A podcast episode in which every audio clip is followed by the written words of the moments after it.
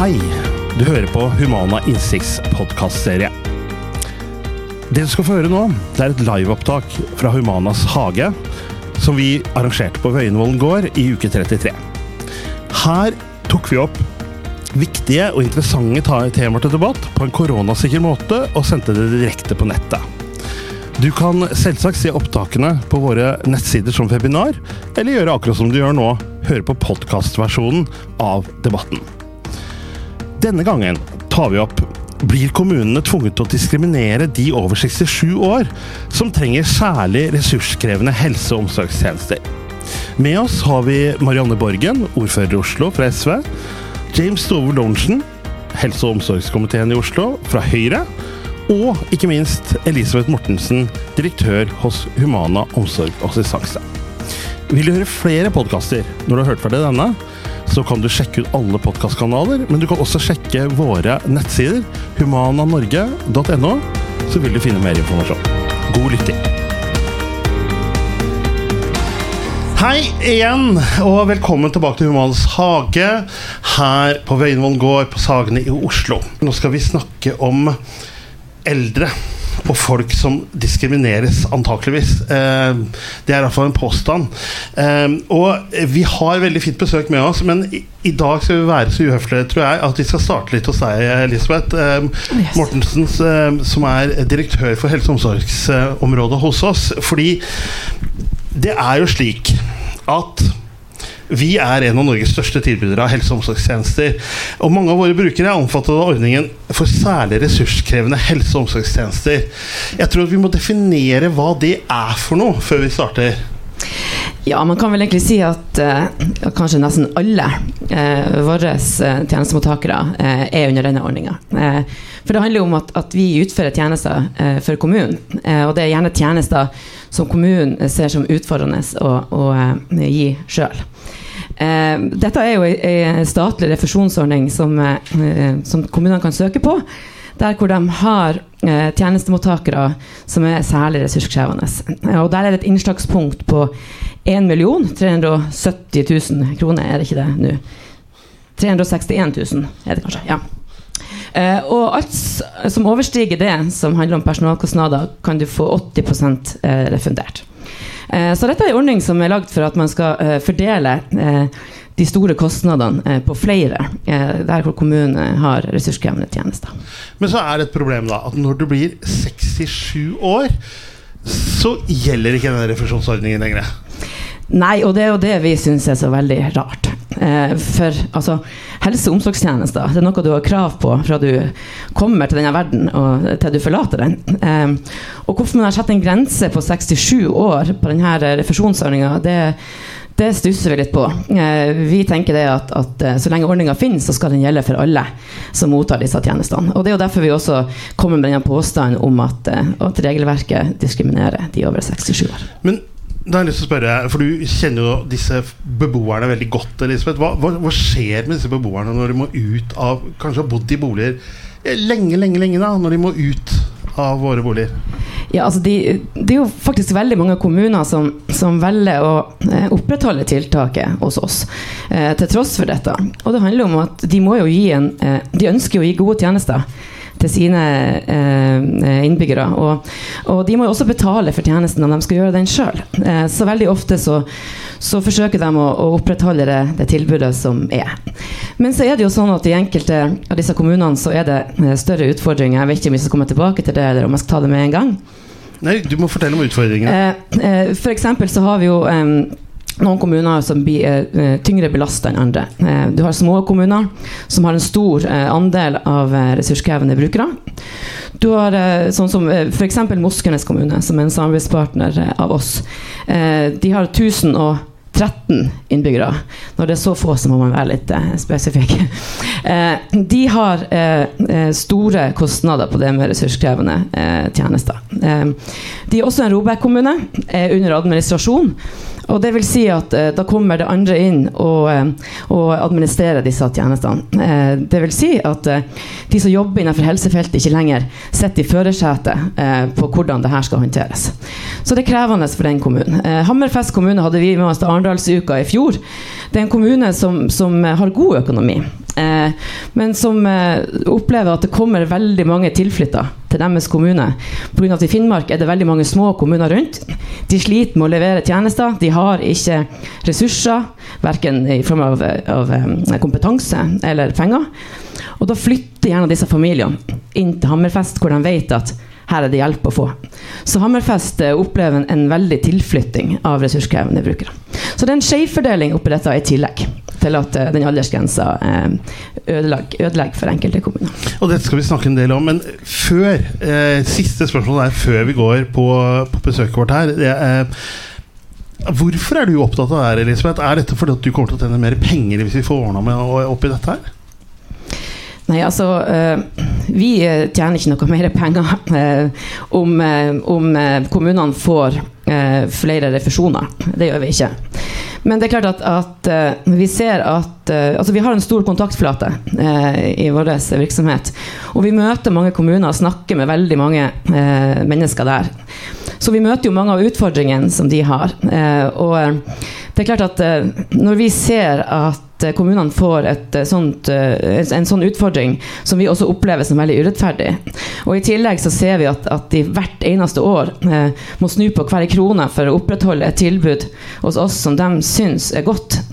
Eh, og nå står vi jo faktisk i fare for at enkelte av eh, disse brukerne er nødt til å eh, ta imot andre tilbud eh, i kommunal regi. Og det er ikke noe galt i det i utgangspunktet. Det er mange av våre brukere som reiser hjem til kommunen og får et godt tilbud, og sånn skal det være. Men i det, altså, disse tilfellene så er det økonomien som styrer. Eh, og det er det vi eh, reagerer på. Vi ønsker ikke at denne grensa skal ligge der og ødelegge for mennesker som har behov for omsorgstjenester. Eh, utover det som de eventuelt vil få i et billigere tilbud. Og dette skal vi snakke litt om den nærmeste halvtimen. Jeg må bare si til dere som ser streamen live, jeg kan stille spørsmål til både Elisabeth og de andre gjestene vi har med om dette her underveis. Så gjør gjerne det. Så tar vi de spørsmålene inn. Eh, Elisabeth har med eksempler fra små kommuner. Vi har jo med ordføreren i Norges største kommune, Oslo, Marianne Bargen. Og eh, Marianne, eh, hvordan er dette her? Eh, er dette problemstillinger dere kjenner godt til? Ja, jeg tenker at, for det første har jeg lyst til å si takk for at dere reiser spørsmålet om aldersdiskriminering. For det er jo litt det det handler om. Jeg er jo 69 år sjøl. og det er ikke det at man blir opptatt av dette når man fyller 67. Jeg tror man, eh, mange av oss har vært opptatt av dette lenge. Fordi det er, det er, flere problemstillinger som du tar opp. Det ene er liksom dette med hvor er innslagspunktet for når man får refusjon og ikke. Og det andre er på alder. Hvis jeg tar det med alder først, så er i hvert fall jeg eh, blant de som ikke forstår hvorfor man i sin tid laget den aldersgrensa. Og jeg mener det er helt uakseptabelt. Uh, og jeg tilhører også et parti som på Stortinget nylig også vedtok en, Ikke vedtok, for vi har ikke noe flertall, men foreslo, foreslo en endring på det. 2.6.2020 så fremmet SV forslag på Stortinget om at man skulle oppheve denne 67 års aldersbegrensningen, som jeg da definerer som en aldersdiskriminering. Uh, og vi var også opptatt av at innslagspunktet for når du skal få statlig refusjon, burde være lavere. Så det er liksom flere problemstillinger her. Uh, for du har jo helt rett i at, uh, at, for kommuner, store og små kommuner, så er kommuneøkonomien også, også viktig og ganske så avgjørende for hva slags, hvor, hva slags, type tjenester vi greier å gi til vår befolkning. Det er liksom ikke frikobla fra økonomi. Så det er klart at hvis man ønsker likestilling For det, dette er jo også en likestillingskamp. Eh, både i forhold til alder, men også i forhold til eh, personer med funksjonsnedsettelser. Så eh, må vi se på de statlige ordningene også. Fordi det vil kunne skape mer likhet mellom kommunene.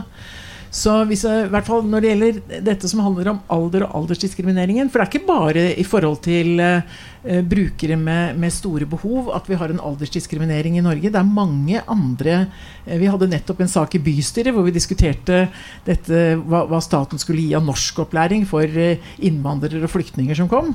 Og da var det heldigvis et bredt flertall i bystyret som sa vi kan ikke ha noen aldersgrense på 67, selv om hvis du kommer dit som 67-åring eller 68-åring, så er det bra å få lære seg norsk. Så det er mange, kunne nevnt mange andre eksempler også på det som er en aldersdiskriminering, men som fører til en dobbeltdiskriminering diskriminering selvfølgelig for personer med funksjonsnedsettelser.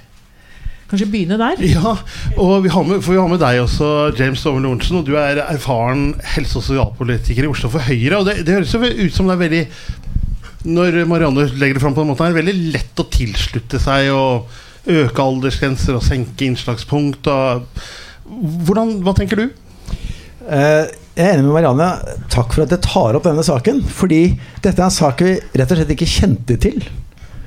Uh, så kan man lure på hvorfor ikke det. Uh, vi har diskutert BPA i, flere år. Og der har jo grensen da blitt opphevet på 67. Så der har jo Stortinget og regjering faktisk lyttet og gjort noe med det. Så tenker jeg hvorfor ble det 67 den gangen de innførte det? Det vet jeg rett og slett ikke. Jeg tror ikke noen her har svaret på det, hva tankegangen var. Derfor er det vanskelig å på en måte argumentere mot det. men nå er vi der vi er i dag, og da høres det for meg helt ulogisk ut å ha en 67-årsgrense. Spesielt på denne gruppen. Man kunne tenkt seg at det var noe sånn jo, jo, når du blir pensjonist, da går du over en annen fase, da trenger du mindre. Men dette er jo en gruppe som ikke har noe mindre bare fordi de er 67. Det blir kanskje bare mer. Så, så det er, høres veldig ulogisk ut å ha en sånn uh, regel. Og Hvorfor har ikke dette blitt diskutert? Hvorfor kjenner ikke vi til dette i detalj? Det er kanskje fordi at det ikke har vært så veldig mange tilfeller. Jeg gikk inn og så på et par av partiprogrammene. Det er ingen som nevner de i partiprogrammet. Og det tror jeg ikke er for vond vilje. Jeg tror bare rett og slett man ikke har tenkt så mye på det. Jeg gikk inn og så på årsberetningene til noen av bydelene våre.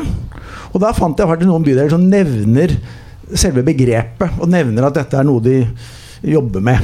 Mens andre bydeler nevner det overhodet ikke. Så dette har ikke vært veldig høyt på agendaen. Dere har løftet det på agendaen nå, og da er det jo muligheter til å ta det videre. Men så må jeg få si en ting. Uh, siste ting, og det kan vi diskutere videre. Jeg skal bare gi et litt sitat her. For dette går på 67 og, og grensen. Men Stortinget har vedtatt et anmodningsvedtak hvor de ber regjeringen om å gjøre noe. Og, og det er en forbedring. Uh, og det går på dette andre du adresserer, og det er de svake kommunene. Altså kommuner som blir veldig utsatt. Så nå jobbes det faktisk med uh, fra regjeringens side å komme med et forslag til Stortinget om hvordan man kan hjelpe de små kommunene. Eller behøver ikke være små kommuner, men kommuner som blir veldig utsatt og får veldig stort. Og bare sette dette i perspektiv. Jeg sjekket uh, årsregnskapet til Moskenes kommune. De har et budsjett på 90 millioner.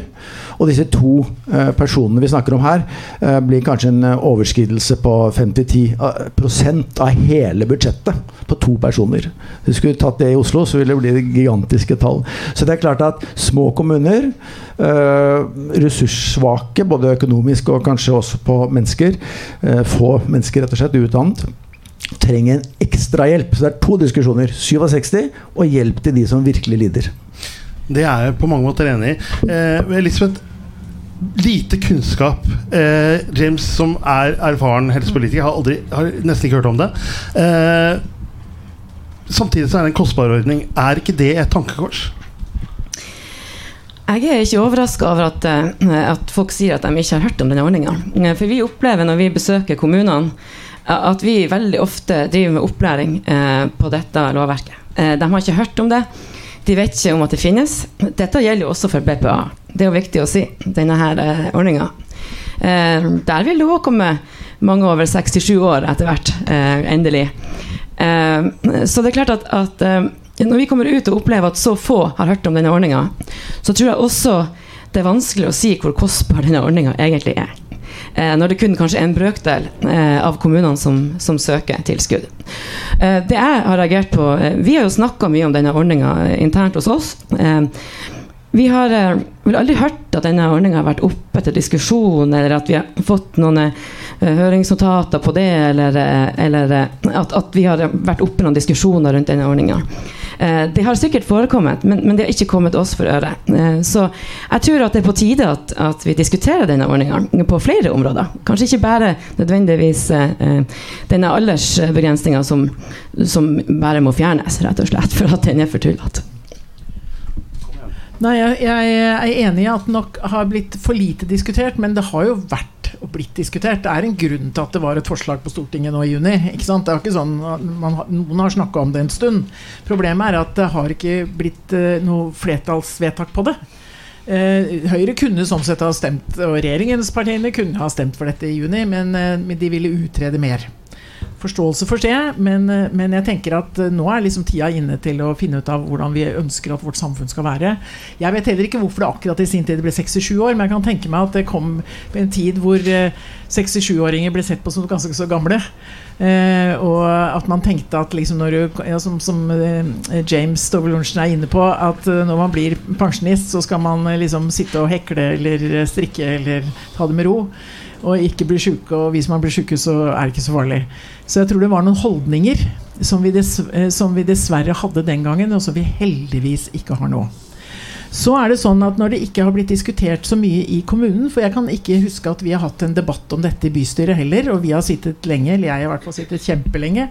Eh, det handler nok eh, om kanskje flere ting. Jeg er litt nysgjerrig på det, egentlig. Hva slags erfaringer folk måtte ha. Fordi man kan jo tenke seg at eh, bydelene som, som, bestiller og skal levere tjenester til folk, at de kanskje ikke tenker på den aldersgrensa. Det er i hvert fall håpet. Ikke sant? Og I så fall så er det jo ikke full krise. Men, ikke sant? Fordi, men dette vet jeg ikke. Prøvde å sjekke det før jeg kom, om noen hadde noen erfaringer å komme med, men det klarte jeg ikke å få tak i. Så det er jeg i så fall veldig interessert i å, å lytte til. For hvis man eh, leverer tjenester ut fra dialogen med den som trenger tjenestene, og leverer slik at det blir eh, verdighet og godt nok, uavhengig av alder, ja, så har kommunene gjort noe bra. Og så er det, er det refusjonsordningen i forhold til staten som vi allikevel må gjøre noe med. Men, men, hvis det er sånn at man sitter og spør 'hvor gammel er du', og så detter på en måte tilbudet på 67-årsdagen, eh, da er vi virkelig ute å kjøre. Men jeg har ikke hørt sånne historier fra Oslo. Men, og hvis det er noen som sitter med sånne historier, så er det veldig fint at de kommer fram. Mm. Jeg tenker, eh, Vi sitter jo i samme utvalg. Eh, dette er et naturlig tidspunkt for oss å rett og slett spørre kommuneadministrasjonen. Hvor mange eh, er mottakere i Oslo? Hvor mye bruker vi av penger på det? Og hva er alders Er det en 67-problemstilling? Og Så må de gå ut i bydelen, og så får vi det tilbake. Og da får vi et grunnlag for å diskutere dette. Eh, fordi kommunen kan jo Nå, nå beveger jeg meg ut på dypt vann her nå, men, men, kommunen kan jo uavhengig av regjeringen bare si at i Oslo så tar vi det fra Vi får ikke refusjon fra staten, men da tar vi det fra kommunekassa. Så ikke jeg love at vi gjør det, men det er jo noe som er helt opp til oss å gjøre. Men, men kommunen har jo eh, ansvar for hver enkelt innbygger og sørge for at de får tilstrekkelig bistand og hjelp. Sånn at det ligger jo i det ansvaret vi har. Og så er det jo spørsmål om hvordan det utøves, selvfølgelig. Men, eh, så vi er, ikke, vi er, jo ikke, avhengig av statlig refusjon for å gjøre gode ting. Men det er klart at kommuneøkonomien som jeg var inne på i sted, har ganske mye å si for hvor langt du klarer å strekke deg. Og jeg har lyst til å si at i den tida vi lever i nå, altså den spesielle pandemitida, som jo har på mange måter, og det kunne vi sikkert hatt en eget seminar om, holdt jeg på å si, det handler om hvordan pandemien har rammet også skeivt i befolkningen. Og at, at uh, mange av de sikkert brukerne som dere har, eh, har kanskje hatt en spesielt vanskelig tid også, fordi det er eh, mye angst for smitte osv. Parallelt med det hvor man kanskje hadde tenkt, trengt å kanskje styrke tjenestene, så er det veldig mange kommuner, Oslo kommune inklusiv, som får en ekstremt krevende økonomisk tid framover. Og da er vi liksom litt ute å kjøre. Og det er jeg veldig bekymra for nå. Eh, at, eh, at, vi ikke greier å levere gode nok tjenester fordi vi er i, i ja, nesten i deep shit når det gjelder eh, kommuneøkonomien framover, som også en, som en konsekvens av pandemien.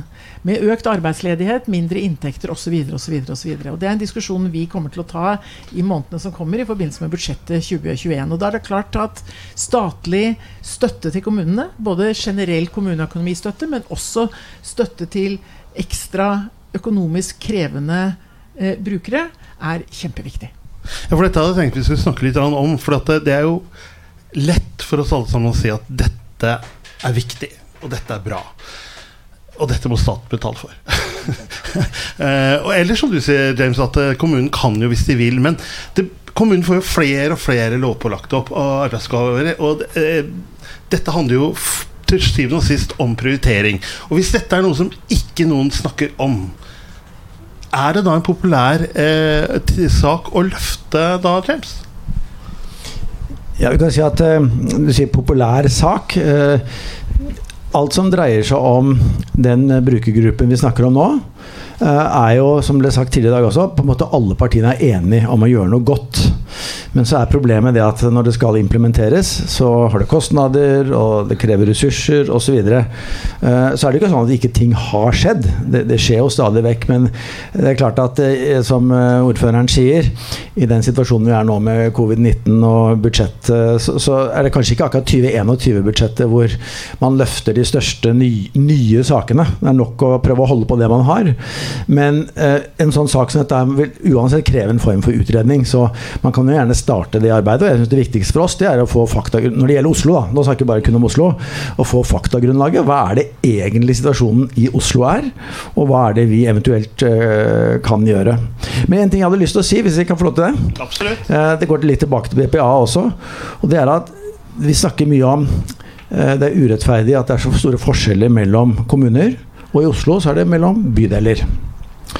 Og vi har tenkt høyt uh, i Høyre, og har vel i og for seg nevnt det i programmer og sånt nå, at enkelte tjenester som er så spesialiserte og krever veldig stor ekspertise, så bør vi vurdere rett og slett å ta det ut av bydelene og så gi det til helseetaten eller velferdsetaten. Fordi det ble nevnt et sted, spesielt da i kommunen. da, Hvis du har en kommune med 1000 innbyggere, og du har kanskje et ressursgrunnlag på kompetanse på bestillerkontoret på to personer, og den ene er sykemeldt, og den andre flytter, så blir det veldig, veldig tynt. Eh, men det gjelder også i Oslo. og det er klart at Hvis du kunne ha ett kompetansemiljø, stabil arbeidskraft, som sitter på helseetaten og velferdsetaten og vurderer alle i byen Helt likt, helt uavhengig av at Vestre Aker går med 70 millioner i underskudd og Nordstrand går med 70 millioner i overskudd. Det er klart, De har noe å si for de tjenestene de to bydelene klarer å gi. Altså det, det, kan vi bare ikke lukke øynene for. Det blir nødvendigvis en forskjell. Og det blir en forskjell på Moskenes og Hammerfest. Så det å eventuelt eh, si at fylkene overtar BPA så rett og slett en eller annen kompetansegruppe i Bodø tar seg av situasjonen i Moskenes. Og så da både finansieringen og organiseringen blir sentralisert. Og jeg er ikke, mot, jeg er ikke for å nedlegge kommuner og bydeler, men det er enkelte helt spesialiserte tjenester. Og da tror jeg kanskje BPA og denne brukergruppen vi snakker om nå, kanskje faller inn under en sånn sentral gruppe hvor man har ressursene. Tenker du at det er en god ordning, Marianne? Jeg er i hvert fall helt enig i at vi i dag eh, har et problem ved at folk får ulike tjenester i de forskjellige bydelene. Noen ganger er jo ulike tjenester helt riktig å få fordi det er individuelt tilpassa. Men vi har eksempler på folk som har flyttet uh, Som har PPH, og som har flyttet fra en bydel til en annen. Og så mister de på en måte tilbudet sitt og blir fortvila for det. Og det har jeg stor forståelse for. Uh, så det er jo en problemstilling som vi er veldig klar over. Og så er det klart at i forhold til småkommuner så er en bydel i Oslo har mellom ja, 40 000-60 000 innbyggere, som er ganske svære kommuner, bare bydelene. Sånn antallsmessig, både når det gjelder ansatte og kompetanse og folk. Men, eh, men, det som i hvert fall er helt sikkert, er at vi er nødt for å få til et bedre og tryggere og mer forutsigbart BPA-system også i Oslo. For det er ikke bra nok sånn som det er i dag. Om det er en byomfattende løsning som løser det eller ikke, er jeg litt usikker på. Eller om man skal være tydeligere på retningslinjer eller krav som man stiller til bydelene. Det kan vi gjerne diskutere. Men jeg tror vi er enig i at, eh, at vi er nødt for å gjøre noe med det. Og som eh, James Stowlonsen sa i stad også, så var det jo helt riktig at Stortinget rett før sommeren heldigvis opphevet da denne aldersbegrensningen på BPA. Det tror jeg var veldig, veldig riktig og helt nødvendig. Så det viser jo at det er mulig å få til endringer da, som har betydning for folk. Så kan du si BPA-ordningen som sådan er jo ikke så veldig gammel i Norge. Og det var jo primært i sin tid veldig unge folk som begynte å bruke det. Men de begynner å bli også godt voksne. Så det er veldig fint at vi har et system som gjør at, eh, at de også får en rett til, eh, til, å få den tjenesten. Men vi skal også ha respekt for at, eh, at tjenester eh, vil også være ulike, for det er ulike behov. Og jeg tenker at enhver tjeneste, også innenfor BPA-systemet, så skal det utvikles i tett dialog med den som skal motta tjenesten. Mm. Og vi, vi, må være liksom forsiktige også med for mye strømlinjeforming, for det bør være individuelt tilpassa. Men er det ikke sånn, Elisabeth, bare for å ta den her at det, det er greit med rettighetsfesting, men, men refusjonsordningen er jo ikke der likevel? Så det blir dyrere for kommunen likevel? Ja, jeg tror jo eh, dessverre at dette med refusjonsordning i enkelte tilfeller er styrende for hvilke tilbud enkelte får. Um, og det jeg tenkte på i stad når vi snakka om dette med, med utredning og, av ordninger osv. Jeg tror det er kjempeviktig uh, å se på denne ordninga. Uh, vi må finne ut hvor mange er det som kommer til å bli omfattet av denne ordninga i tida som kommer. Det blir flere og flere tjenestemottakere over 67 år innenfor helse og omsorg og innenfor assistanse, som vi snakka om i stad. Vi må vite omfanget av dette. Og så tenker jeg at vi må se på ordninga og finne en ordning som, som gjør at, uh, at ikke eh, kommunene knekker ryggen på enkelttiltak på, på, på, på, den måten som, som de gjør nå. Så dette med, med å også få et, et, overblikk over omfanget tror jeg blir kjempeviktig. Både i kommunene og også generelt. Jeg tenker at jeg har lyst til å snakke om det med prioriteringer. For at alle gode ønskers, ønsker Eh, er jo dette her alltid at eh, Men Gunn Marit Helgesen hun sier jo det eh, at statens rettighetsfesting av tjenester de gjør det hele tiden, men de overlater stadig større grad kostnadene til kommunene. Jeg var inne på det i stad. I hvor stor grad rammer det enkeltpersoner, tenker du, Marianne Borgen? Jeg har prøvd å si flere, flere, ganger nå at kommuneøkonomien har stor betydning for eh, hva slags velferdstjeneste vi klarer å levere.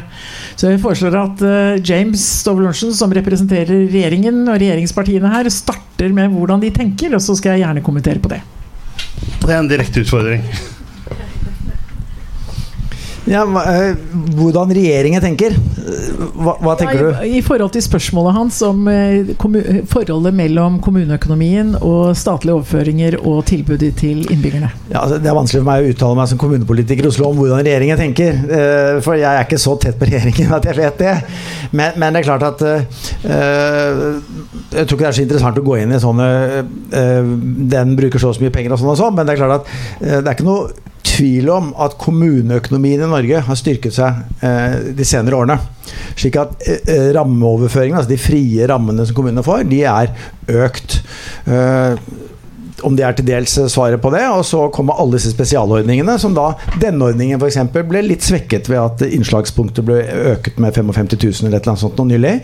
Eh, så her, det er ikke noe lett svar på akkurat det du kom med der, altså. Nei, det er jo ikke det. Eh, men på den annen side så kan jeg si at eh, hvordan vi ordner kommuneøkonomien, er jo en, et, et, et, vekselspill mellom hva, hva, slags overføring vi får fra staten, altså Stortingets bevilgninger, og hva kommunene sjøl får inn av inntekter. Uh, og I Oslo kommune vi har vel nå et budsjett på er det 74 milliarder eller noe sånt nå. Det er et ganske stort budsjett. Vi har også en økning i vår innbygger på ca. 10 000 i året. Eh, sånn at vi er nærmere oss vel snart 700 000 innbyggere. Så det er en ganske så stor kommune vi snakker om. Og Det høres kanskje mye ut når vi har 74 milliarder kroner, men, eh, men det er altså store kostnader å drive en så stor eh, kommune. sånn at vi også sliter jo med å kunne levere gode nok tjenester på alle nivåer. Og Det var jo en av grunnene til at uh, det byrådet som nå har uh, byråds- eller slags byregjeringsmakt i vår by Vi innførte jo med flertall i bystyret eiendomsskatt, f.eks. For eksempel.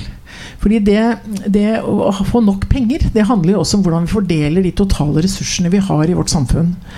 Uh, og det er jo sånn I Oslo så er det jo sånn at uh, vi har de rikeste menneskene som bor i denne byen. Og vi har de fattigste menneskene i landet som bor i denne byen. Og jeg representerer et parti som er veldig opptatt av dette med, eh, med å omfordele og skape mindre forskjeller mellom folk. Eh, og jeg tror at vi er nødt for å tenke mer sånn i tida som kommer. Eh, vi kan ikke bare rope på statlige overføringer. Vi er nødt for å se på hva slags skattesystem har vi i vårt land. Altså Hvem er det som eh, betaler skatt, og hvor mye betaler de? Og jeg tenker at De som er blant de rikeste i vårt land, kan betale mer inn til fellesskapet. Det vil styrke kommuneøkonomien, og det vil styrke også vår mulighet som kommunepolitikere til å levere gode tjenester. Hvis du ser hvordan det er i dag, så er det sånn Oslo er blant nå de, en av de kommunene i landet, kanskje den kommunen i landet som har størst arbeidsledighet som en konsekvens av foreløpig covid-19. Det er jo dramatisk. Eh, og, og, det er klart at eh, når fattigdommen øker, så trenger vi penger til å kunne hjelpe folk ut av fattigdom. Vi er det kommunen i landet som også har flest barn som lever under EUs fattigdomsgrense. Sånn at eh, disse tingene henger litt sammen.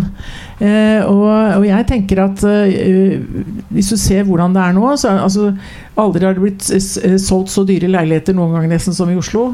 Eh, folk har kjøpt de svære, digre båter. Det er mange som har brukt mye penger denne sommeren. Og så har du noen som ikke har nesten noen ting. De forskjellene er vi nødt for å gjøre noe med for å kunne sikre det vi egentlig snakker om her i dag. Slik at kommunene, uansett om det er stor eller liten kommune, har tilstrekkelig økonomi til å kunne bistå. For vi er et fellesskap, og det er jo på en måte sammen vi bygger samfunnet vårt. Og da må vi passe på at forskjellene ikke blir for store. Vil du si noe om det, James? Ja, kan, Nå går vi jo inn på en eh, tradisjonell eh, høyre-venstre-debatt. Og eh, det er ikke noe uventet at svaret fra SV er mer skatt, og svaret fra Høyre er at det er ikke nødvendigvis løsningen på alle verdens problemer. Så jeg tror ikke vi skal gå dypere inn i en skattedebatt enn, en som så. Men at vi har utfordringer med forskjeller, med fattigdom. At vi har mange utfordringer da med å finansiere alle de tingene vi ønsker. Men samtidig så er vi kanskje den kommunen som har færrest uføretrygdede. Så her er det ikke sant? Det går i flere retninger. Så det er mye positivt med den ressurssterke befolkningen i Oslo også. Men Elisabeth, når du hører at politikerne ikke har kunnskap i utgangspunktet til å kunne prioritere disse brukerne, og vet om at de blir diskriminert. Hvilket ansvar har vi som ser dette her som både velgere og borgere og fagpersoner til å si ifra, da? Altså det, det, som jeg syns er litt uh, stilig akkurat nå, som skjer, det er at vi ser jo at uh, kommunene melder seg på i dette. De, de, de, stikker fram hodet, og de melder behov i forhold til dette. Vi ser at det begynner å komme mediesaker. Eh, Moskenes kommune, nå har vi nevnt dem veldig ofte, det er en god, omsorgs, god omsorgskommune. Eh, de har jo nå starta et samarbeid med andre kommuner hvor de skal eh, forsøke å beskrive denne utfordringa eh, for, eh, for, de som skal bestemme over dette lovverket. Eh, vi har vært i dialog med dem, og vi skal fortsette å snakke med dem om, om dette, for vi ser at dette er, er, utfordrende for dem. Så jeg tenker det at, at, det vi kan bidra med, er jo å vise eh, omfanget av dette, eh, gi tall eksempler, som du snakka om i stad. Altså bidra med kunnskap på den måten. Eh, så tenker jeg at, eh, at, vi skal komme i mål med dette. Og vi eh, kommer til å holde trøkk på denne saken videre. Det har vi jo allerede avtalt. jeg vil ikke akseptere at, at, mennesker over 67 år ikke skal ha de samme rettighetene. Det, mine foreldre er 68, og han ene står og tømmer Dividalen for laks akkurat nå, og, og andre er på, er på bobilferie. Det er folk som, som, er glad i livet, og, og som ønsker å, å ta av, av, liv, av det som livet har eh, å gi. Eh, så vi Humana skal følge denne saken videre. Jeg er jo også eh, leder i bransjeutvalget i NHO, og det er også en fanesak der. Så det kommer trøkk på dette, og vi kommer til å bidra til å dele kunnskap. Håper flere gjør det der ute. Jeg vil bare presisere. Jeg begynte med å si at jeg visste ikke så mye om det. Eh, men eh, jeg har lest meg opp på det da de siste 48 timene. Og det er klart På Stortinget så har de tatt opp dette, ikke bare nå i juni, men for to år siden. Og i statsbudsjettet for 2020 så ligger det inne. Og det er en eh, rapport som kommer fra en prosjektrapport som kommer fra et konsulentfirma som nå foreligger, som dere sikkert kjenner til. slik at jo da, det er mange politikere. Og min kollega i Osterøy kommune har skrevet i Vårt Land. Toril Eidsheim har skrevet i avisen. Så poenget mitt var ikke at alle politikere er blinde, men vi i Oslo har kanskje ikke vært berørt av dette like mye som i Osterøy og Moskenes andre steder. Så for all del, det er politikere som er opptatt av det, og vi skal ta det opp. Nå er det programarbeid og alt mulig sånt nå, men jeg vil bare presisere det var jeg som ikke kjente dette så godt. Ja, jeg tenkte også Du, du konkluderer og sier liksom sånn at, at, det per definisjon, fordi du har en aldersdiskriminering i lovverket, at det også har ført til at man overalt i alle kommunene også fører til en aldersdiskriminering konkret i forhold til Og det, det vet vi ikke nok om enda, eh, men du, du, ga jo inntrykk av det. Jo, men det er, det, er, det er viktig at vi har et lovverk som ikke diskriminerer. Og så, ja, så, må vi ha et, en praksis selvfølgelig som ikke diskriminerer. Og, og, jeg er litt nysgjerrig nå på å finne ut av om vi har hatt og har en praksis som faktisk aldersdiskriminerer. Og det er vi, det vi skal, er vi blitt enige om at det skal vi grave litt nå i etter denne debatten, så vi finner ut av det. Fordi det er ikke akseptabelt. Nei, og Det er godt å høre. Eh, spørsmål fra eh, folk som følger med på nettet, Karianne. Er det det? Eh, ja. Eh, vi får eh, takk for at dere tar opp et viktig tema. Eh, og vi lurer på, en som lurer på hva som skjer med de pasientene som faller utenfor. Godt spørsmål. Det er vel noe som du bør svare på, kanskje, eh, Elisabeth? Det syns jeg er veldig vanskelig å svare på. Eh, det som du sier her, at, at det, eh, det trenger ikke å bety at man får et dårligere tilbud, eller har et dårlig tilbud, selv om man ikke er omfattet av denne ordninga. Det er veldig viktig. Men jeg vil anta at det finnes tjenestemottakere der ute som, som har et tilbud som, som kanskje ikke er optimalt pga. denne ordninga. Eh, at de faller utafor den. Og jeg vet i hvert fall at de som har hatt et tilbud fram til den eh, aldersgrensa, eh, opplever å få et annerledes tilbud eh, som ikke nødvendigvis er like godt. Mm. Jeg tenkte at uh, dere var inne på det, uh, begge to. Uh, det er programarbeid før stortingsvalget neste år. Og det er ikke noe stortingsvalg, men dere er jo markante helsepolitikere i et stor by. I hvilken grad vil dere kunne ta dette med dere inn i programarbeidet, denne problemstillingen her, Marianne? Altså for oss så ligger det jo inne Vi har jo jobbet uh, for å få til endring uh, i Stortinget allerede en stund. Uh, og det er jo det vi gjør som politikere konkret i Stortinget, som har betydning.